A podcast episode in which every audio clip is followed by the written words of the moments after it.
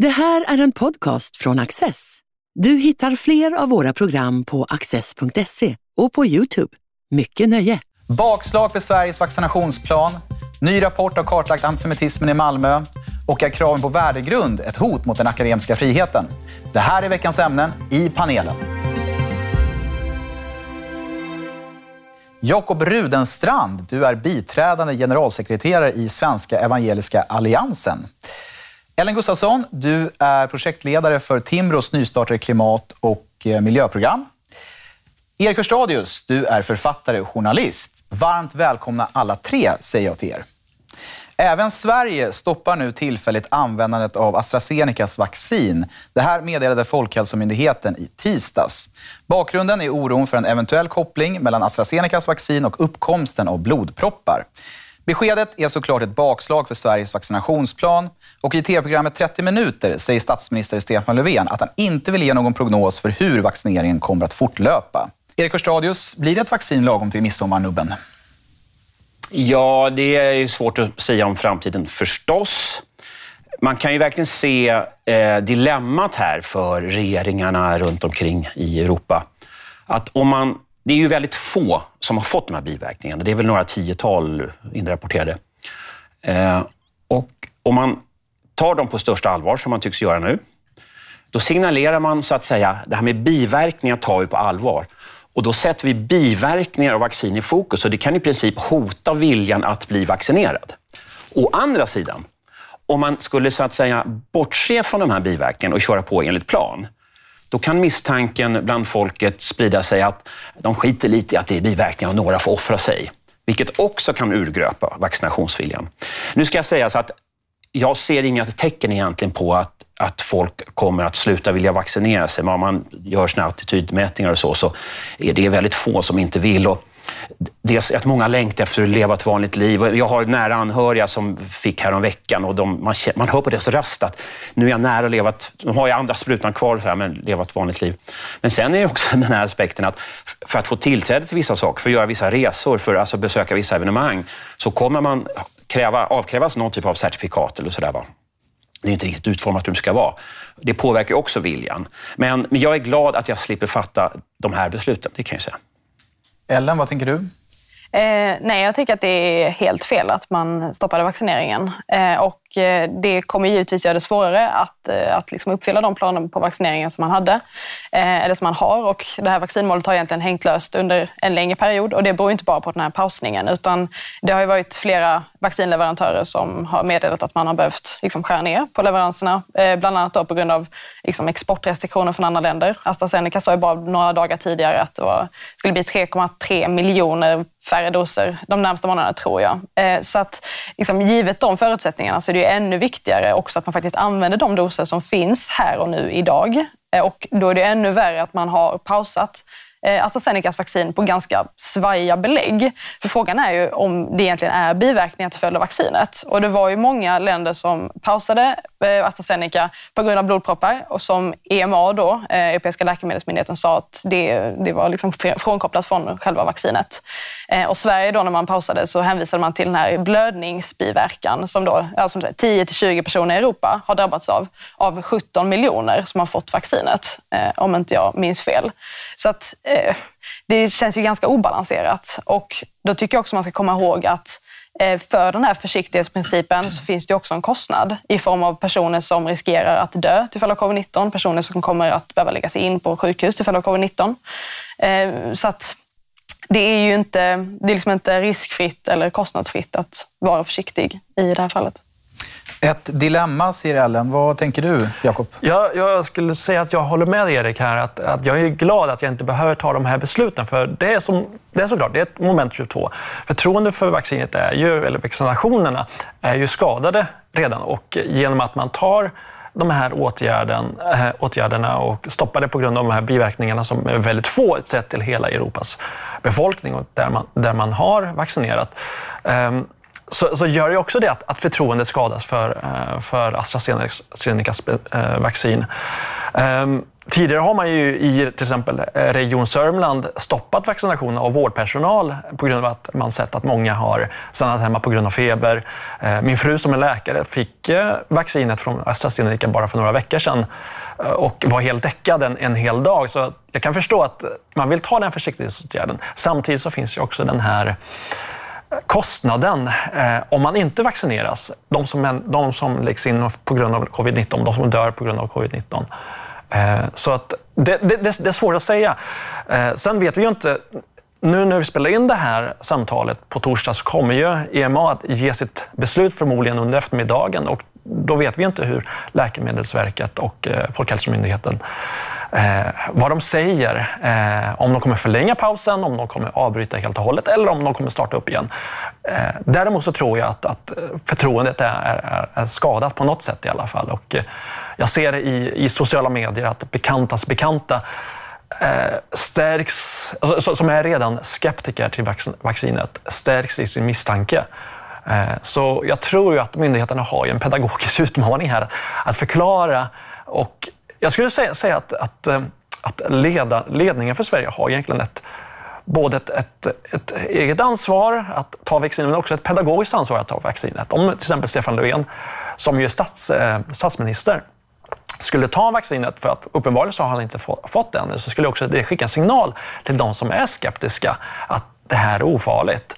Men det skulle också visa att, att vi tar den högsta ledningen för landet, eh, att de är skyddade på allvar. Att de inte liksom får vänta till fas 4 långt in i augusti. Några saker som krånglar till det här är ju dels att vaccinen har tagits fram så oerhört snabbt och det, det skapar ju i sig en osäkerhet och manar kanske till extra försiktighet på biverkningar. En annan eh, eh, aspekt är att att eh, det, fin- det var för tio år sedan när det var ja, svininfluensan, hette, hette den fågel eller svininfluensan? Ja, det, ni, ni vet ju, ja, det var ju fruktansvärda biverkningar för framförallt vissa unga människor med narkolepsi. Ja, de har fått sina liv förstörda. Min familj, jag, min, min, eh, min exfru och barnen, vi tog det där. Jag kommer ihåg att jag hade, mådde väldigt dåligt i två dagar, men slapp problem lyckligtvis då.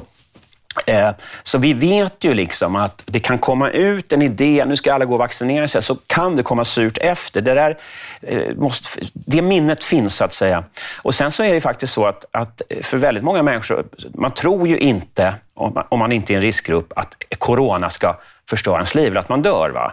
Om man då tänker, jag, jag kan få corona, kommer klara det, men tar vaccinet, tänk om jag får någon knasig biverkning. Så för, för de, mina äldre anhöriga är det är spel mot ett mål. Man tar vaccinet, för de är i riskgrupp. Men om man är inte är i riskgrupp, då, då blir kalkylen lite annorlunda. Jag noterade att eh, eh Mikael Toesson, som är GD för MSB, eh, sa att det pågår ett aktivt eh, desinformationsarbete mot just AstraZenecas vaccin.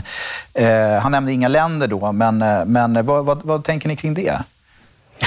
Nej, men bara så här, så här, ryssar och kineser, de är så mycket, de, de är bra på schack och go och såna strategiska grejer. Så här. Jag, jag, tror att de är bara på, bara för öva sig i, i djävulskap. Så där. Det är klart de ska, det är klart de ska liksom, hålla på och, och, och styra oss lite grann. Eh, och det, det, jag är övertygad om att det pågår, men det, jag tror inte att det är någon stark faktor. Så där. Jag, jag menar, men, eh, ja. Och det är inget nytt under pandemin, det har de ju gjort. Alltså det kom ju den typen av rapporter förra, förra våren också. Eh, så att, eh, det var, borde egentligen varit väntat att det skulle ske i samband med vaccineringen. Det, det är absolut väntat. Och, eh, man, man, man, förstår ju Tovessons ovilja att att nämna länderna vid namn. Men han säger å andra sidan de som är intresserade av att sälja sitt eget vaccin. Och vilka länder är det? Och man, då är det ju Kina och Ryssland som, som är aktiva bakom de här eh, påverkansoperationerna. Men jag tror ju inte att det, det har sån stor betydelse i det stora bredlagret. Skadan är ju redan skedd på något sätt bland de som är skeptiker eh, mot vaccinet. Så jag tycker att eh, europeiskt etablissemang görs lite löjligt ibland. Carl Bildt stod i Aktuellt häromdagen och, och sa att, att ryssarna ger, eh, eller, nej kineserna var det, ja, ger vaccin till Zimbabwe, det är bara för att fjäska och vinna politiska poäng. Mm. Ja, men om EU hjälper, vi, vi vill ju också vinna politiska poäng mm. om, vi, om vi stöttar fattigare länder. Så det här är ju löjligt. Det är klart att, jag menar, eh, goodwill vill, vill vi alla vinna eh, ute i världen. Så att, att säga att, att när kineser och ryssar vill göra det, att det skulle vara förkastligt, det tycker jag är ett konstigt resonemang. Och det får bli slutordet för veckans första ämne, för nu måste vi hasta vidare. Vad måste göras för att judar kan leva säkert i Malmö? Den tragiska frågan aktualiseras av en ny rapport framtagen av Malmö stad och den judiska församlingen i Malmö. Den visar att samtliga tillfrågade judiska barn upplever att de är måltavlor för antisemitiskt hat och antisemitiska attacker. En del skolor undviks idag helt av judiska elever och lärare och skolledningar uppges inte orka ta tag i problemen. Det här är bara ett axplock av det som rapporten visar. Jakob Brudenstrand, hur hamnade vi här? Den här rapporten är ju på många sätt den är inte överraskande. Det här har ju känt till kanske 20-10 år tillbaka att, att judar har en väldigt utsatt position eller situation i, i Malmö. Och eh, såklart, Antisemitism finns i flera olika miljöer, men här är ju uppenbart för alla som har följt utvecklingen i, i Malmö att, att den hör, hör ihop med den väldigt stora migrationen som har skett från eh, främst muslimska länder. För att det är många i de länderna där i stort sett marinerad av eh, judehat, av antisemitism, av eh, misstanke mot, mot judar och man kopplar ihop staten Israel med med eh, allt det hot som man upplever att, att judar kommer med. Så det här får ju påverkan på eh, situationen i Malmö eh, genom familjer som, som flyttar till Sverige men som också Eh, för över den här fördomarna till sina barn. Så det här är ju, det här är ju någonting som har pågått väldigt länge. Och många politiker har ju varit väldigt ovilliga att, eh, att eh, koppla ihop det här på grund av att man, man, man, har pratat väldigt mycket om islamofobi och man vill inte spela främlingsfientliga krafter i, i, i, i, i famnen. Men man måste ju tala klart, klarspråk om, om de här frågorna för att komma, kunna komma med en, en lösning. Här har ju såklart Judiska centralrådet i den eh, Expressen-artikeln som man skrev i början av veckan eh, kommit med, med, med, rad, med en rad förslag. Liksom. Se över läromedel, se, se över um, eh, lärarnas utbildning. Man behöver komma i, eh, komma kapp med hur lärarna och skolpersonal löser de här frågorna. Men man måste också prata med liksom, hur familjerna eh, påverkar sina barn. Här, för det här har ju framkommit i rapporten att, att familjer ser inte det som ett problem att, att judiska tjejer trakasseras. Eh, utan man ser det liksom som en naturlig följd av att de, att de är judar.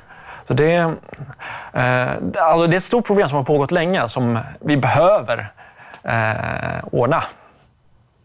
Ellen, vad tänker du? Eh, nej men eh, det är ju fruktansvärt att situationen ser ut så för judar i Malmö. Eh, så pass att eh, liksom, elever känner att de inte kan välja den skolan de vill för att de inte eh, liksom, är fysiskt trygga på alla skolor.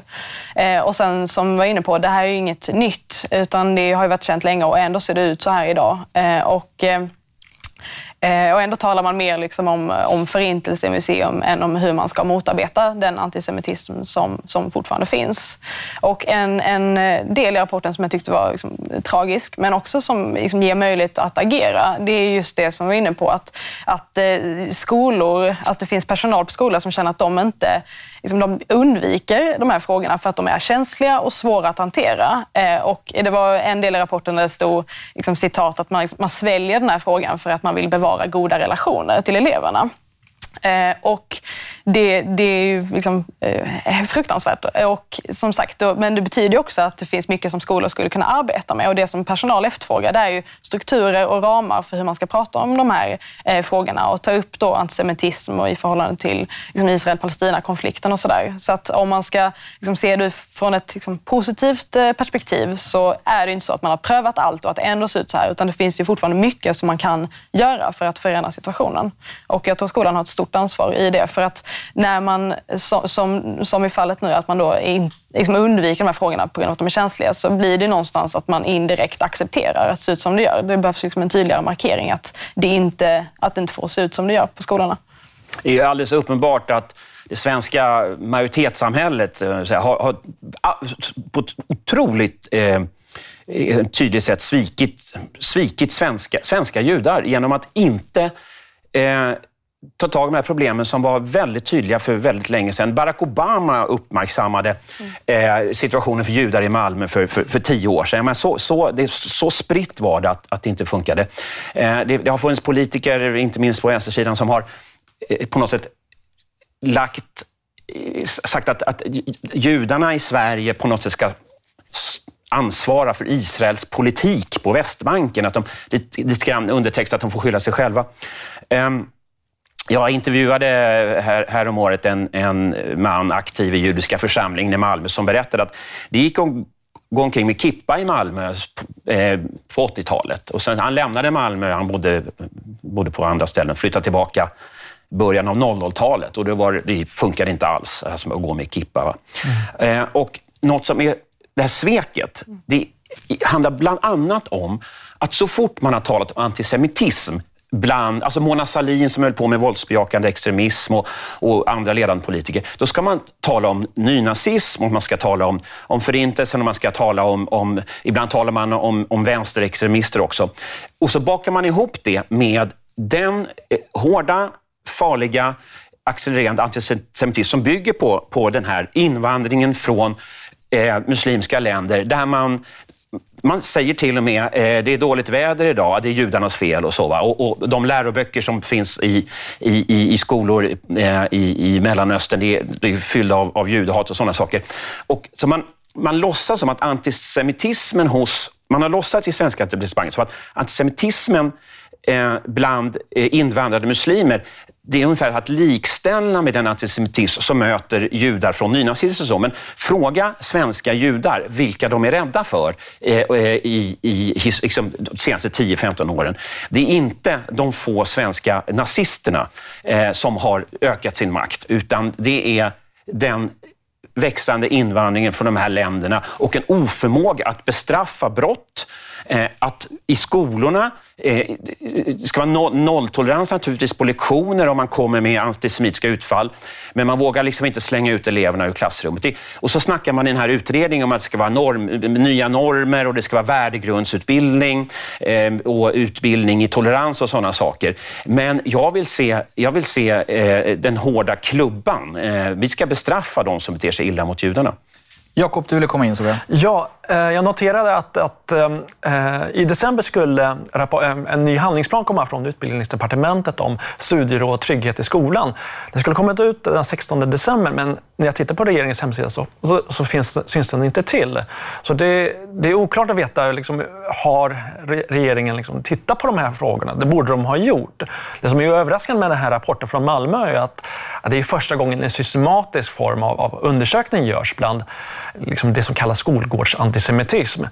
Eh, och det här borde ju uppmärksammas långt, långt tidigare av, eh, av regeringen. Så det... Men du var inne på det. Ja. Delvis av rädsla för att här, dra alla muslimer i en, ja. en kam eller uppmuntra till, till, till muslimhat, islamofobi och sådana saker den rädslan har gjort att man har backat från det. Och det här gäller också media. Man har liksom, för, för, ett år, för häromåret när man gjorde stort inslag på Studio 1 om, om förint, på förint, minnet av Förintelsen, eh, långt inslag, det nämndes inte ett, med ett enda ord eh, det, så att säga, de hoten som kommer från invandring från Mellanöstern. Det vågar man inte ta upp. Man sa att, eh, att eh, det är vissa skolor man inte kan komma, eller man får inte inbjudningar till att, eh, att berätta om, om Förintelsen. Och jag tror att de här spontana politiska symbolhandlingarna som, som kippavandringar eller eh, starten av förintelsemuseer, vare sig det, det är i Malmö eller här i Stockholm. Det kommer ju inte hjälpa eh, den judiska eh, flicka på en skola som, som blir ombedd av, av skolpersonal att, att tona ner sin, sin judiskhet, sin judiska identitet. Det har, det har gjorts undersökningar om, om, hur kristna elever uppfattar situationen på skolan i relation till lärare som talar väldigt nedsättande om, om deras tro. Eh, när man läser den här rapporten så märker man att det är än värre för, eh, för många av de här eh, judiska eleverna. Alla liksom vittnar om att man har blivit utsatta liksom av, av klasskamrater och trakasseras på skolgården och så. Precis. Hur ska judiska elever kunna känna sig trygga i sin tro och om, om lärare är rädda att ta den konflikten? Alltså, man signalerar väldigt tydligt att det här är, det här är ett problem. Det här är någonting som man inte riktigt eh, kan, kan förmå att tämja på något sätt. Om man ska ta fasta på något positivt eh, kort. Då, så, eh, det, pågår ju, eh, det pågår ju dialogprojekt i Malmö mellan eh, konservativa muslimer eh, som har en stark, stark eh, förankring i muslimska samhället i Malmö och bland judarna i Malmö.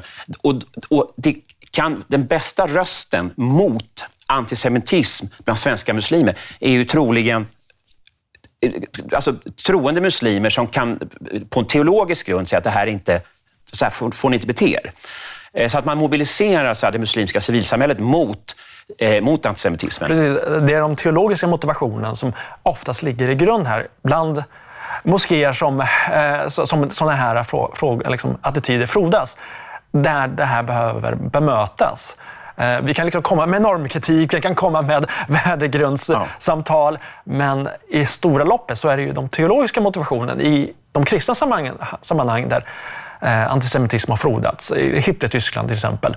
Eh, där har ju motivationen varit främst teologisk på många sätt, liksom, kulturellt teologiskt. Men här behöver ju muslimska företrädare kliva fram och ta diskussionen på ett ännu mer konstruktiva sätt än vad man har gjort hittills, skulle jag vilja säga. Vi ska alldeles strax hasta vidare, men jag har en, en sista fråga. Man pratar mycket om utbildning, skolan ska ta sitt ansvar, man måste liksom, ja, jobba med normer etc. etc. Finns det en övertro i, det, i det svenska vad ska jag säga, kulturen om att man all, alla fördomar kan utbildas bort, så att säga? Ja. ja. Okej, okay. kort och koncist. Eh, det får avsluta eh, det andra ämnet. Nu måste vi gå vidare till värdegrunder. Är värdegrunden ett hot mot den akademiska friheten? För en tid sedan skrev Lars Hultman och Kristina Moberg, båda ledamöter i den Kungliga Vetenskapsakademin, på DN Debatt.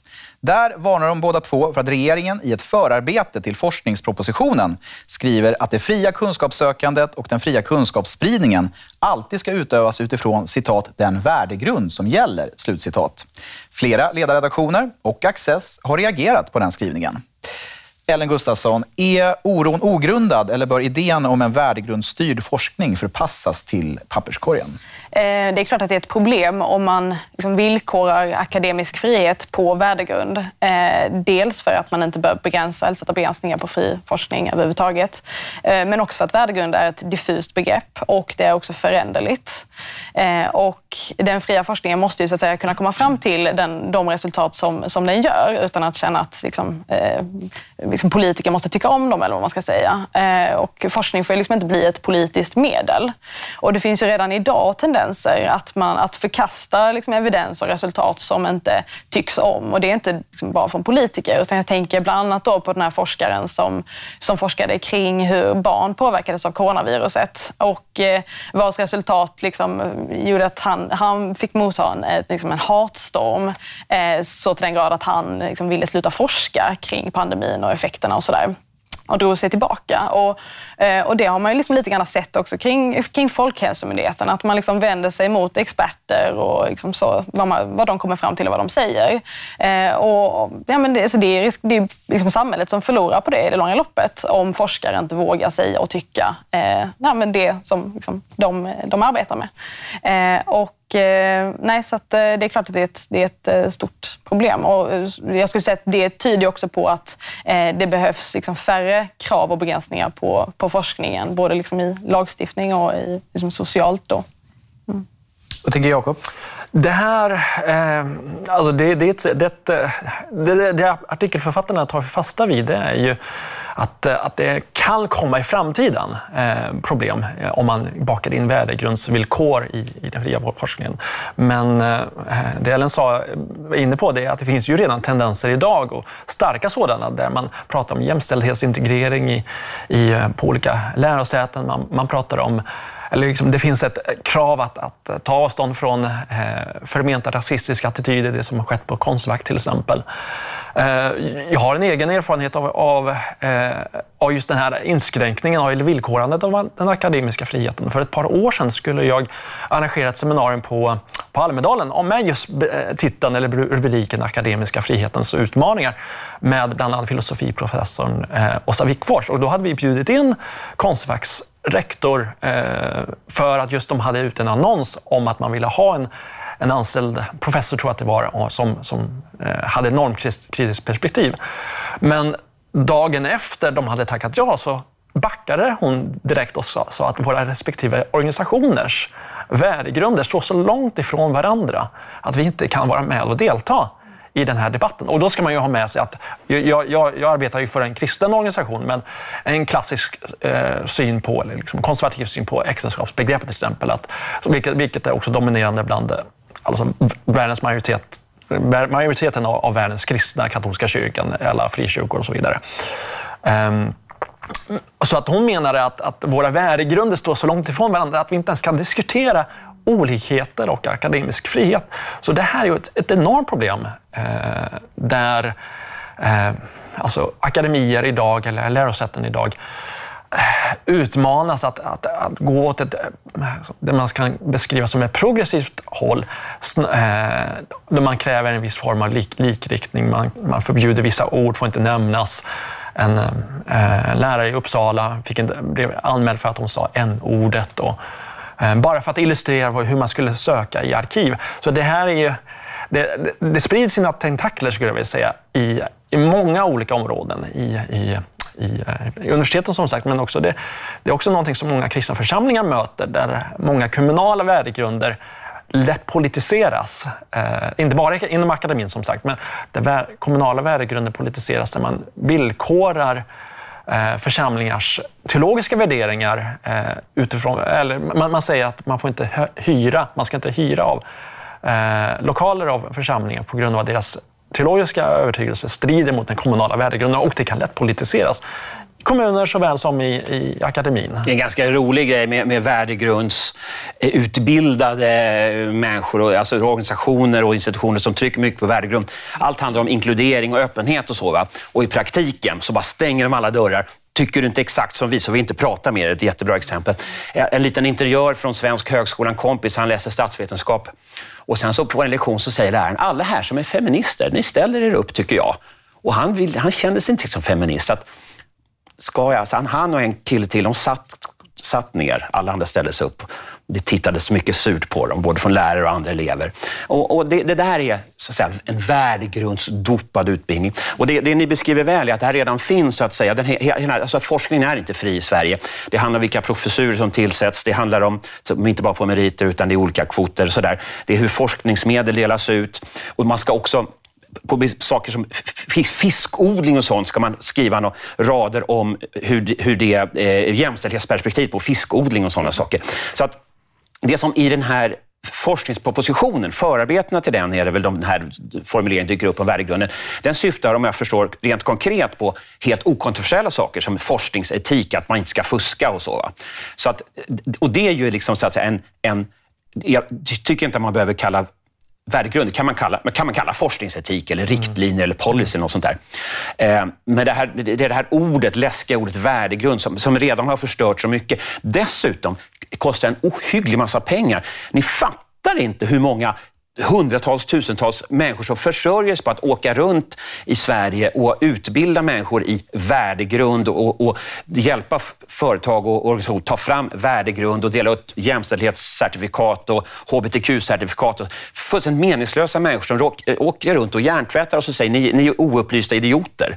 Eh, och eh, värdegrundstänkandet ökar den här arbetsmarknaden, drar ut skattebetalningar skattepengar och eh, förstör, förstör ekonomin, förstör tänkandet mm. och gräver skyttegravar mellan mm. människor.